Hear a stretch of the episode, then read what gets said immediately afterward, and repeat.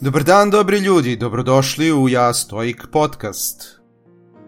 U ovoj epizodi pričamo o tome zašto je stoicizam toliko delotvoran i kako nam može pomoći da se izborimo sa izazovima koje nam život svakodnevno priređuje. Moje ime je Peđa, ja sam autor web sajta jastoik.com, posvećenog stoicizmu, pravcu u filozofiji koji stiče sve veću popularnost među profesionalcima, sportistima i svima koji se trude da pronađu smisao u inače haotičnoj realnosti u kojoj živimo. Stoicizam nudi čitav niz strategije i tehnika koje omogućavaju postizanje psihološke otpornosti kroz racionalno upravljanje emocijama, a ne njihovo nasilno blokiranje – što je uobičajeni način na koji pokušavamo da se njima izađemo na kraj. Stoicizam je otac svih tehnika psihološke samopomoći. On je inspirisao savremene pristupe ličnom razvoju i psihološkom savjetovanju. Aaron Beck, osnivač kognitivno-behavioralne terapije, napisao je u svom priručniku za kognitivnu terapiju. Filozofski koreni kognitivne terapije sežu do antičkih stojika. Antička stoička terapija nije bila klasična terapija koja nastoji da izleči određena stanja, već pre sistem za prevenciju, iako je mogla da se koristi i za ublažavanje ozbiljnih stanja. Psihološka istraživanja koja su danas dostupna potvrđuju da je stoički pristup zdravim načinima reagovanja na emotivni stres zaista delotvoran. Možda zato kognitivno-behavioralna terapija važi za najuspešniju lečenju brojnih psiholoških stanja koja muče savremenog čoveka. Prema Musoniju Rufu, jednom od najuticajnijih stoičkih učitelja, da bismo zaštitili sobstveni mir, moramo svakodnevno kao doktori lečiti sami sebe razumom.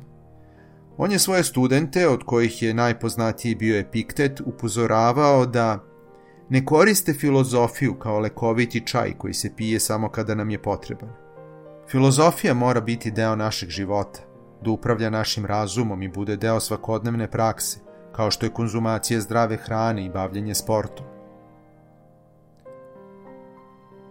Ljudi koji su nezadovoljni životom, oni koji pokušavaju da izleče svoje emocije i oni koji tragaju za smislom sobstvenog života, vekovima su se priklanjali stoicizmu.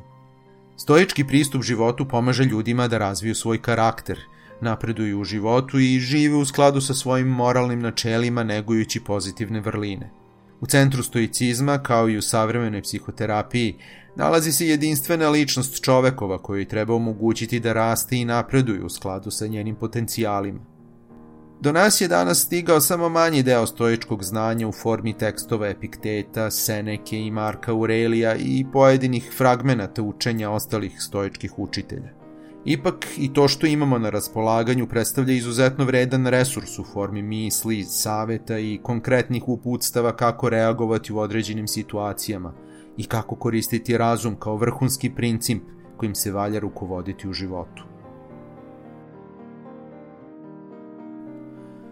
A ako ti je ovo o čemu sam pričao bilo zanimljivo, pozivam te da zapratiš Ja Stoik podcast i ja.stoik profil na Instagramu kako bi imao pristup dodatnim sadržajima na temu stoicizma. Takođe, možeš da posetiš jastoik.com website gde možeš besplatno da preuzmeš e-knjigu 50 stoičkih misli koje ti mogu poslužiti kao inspiracija i putokaz za svakodnevni život. Hvala ti što si ostao uz mene do kraja. Želim ti da mudro iskoristiš današnji dan. Carpe diem.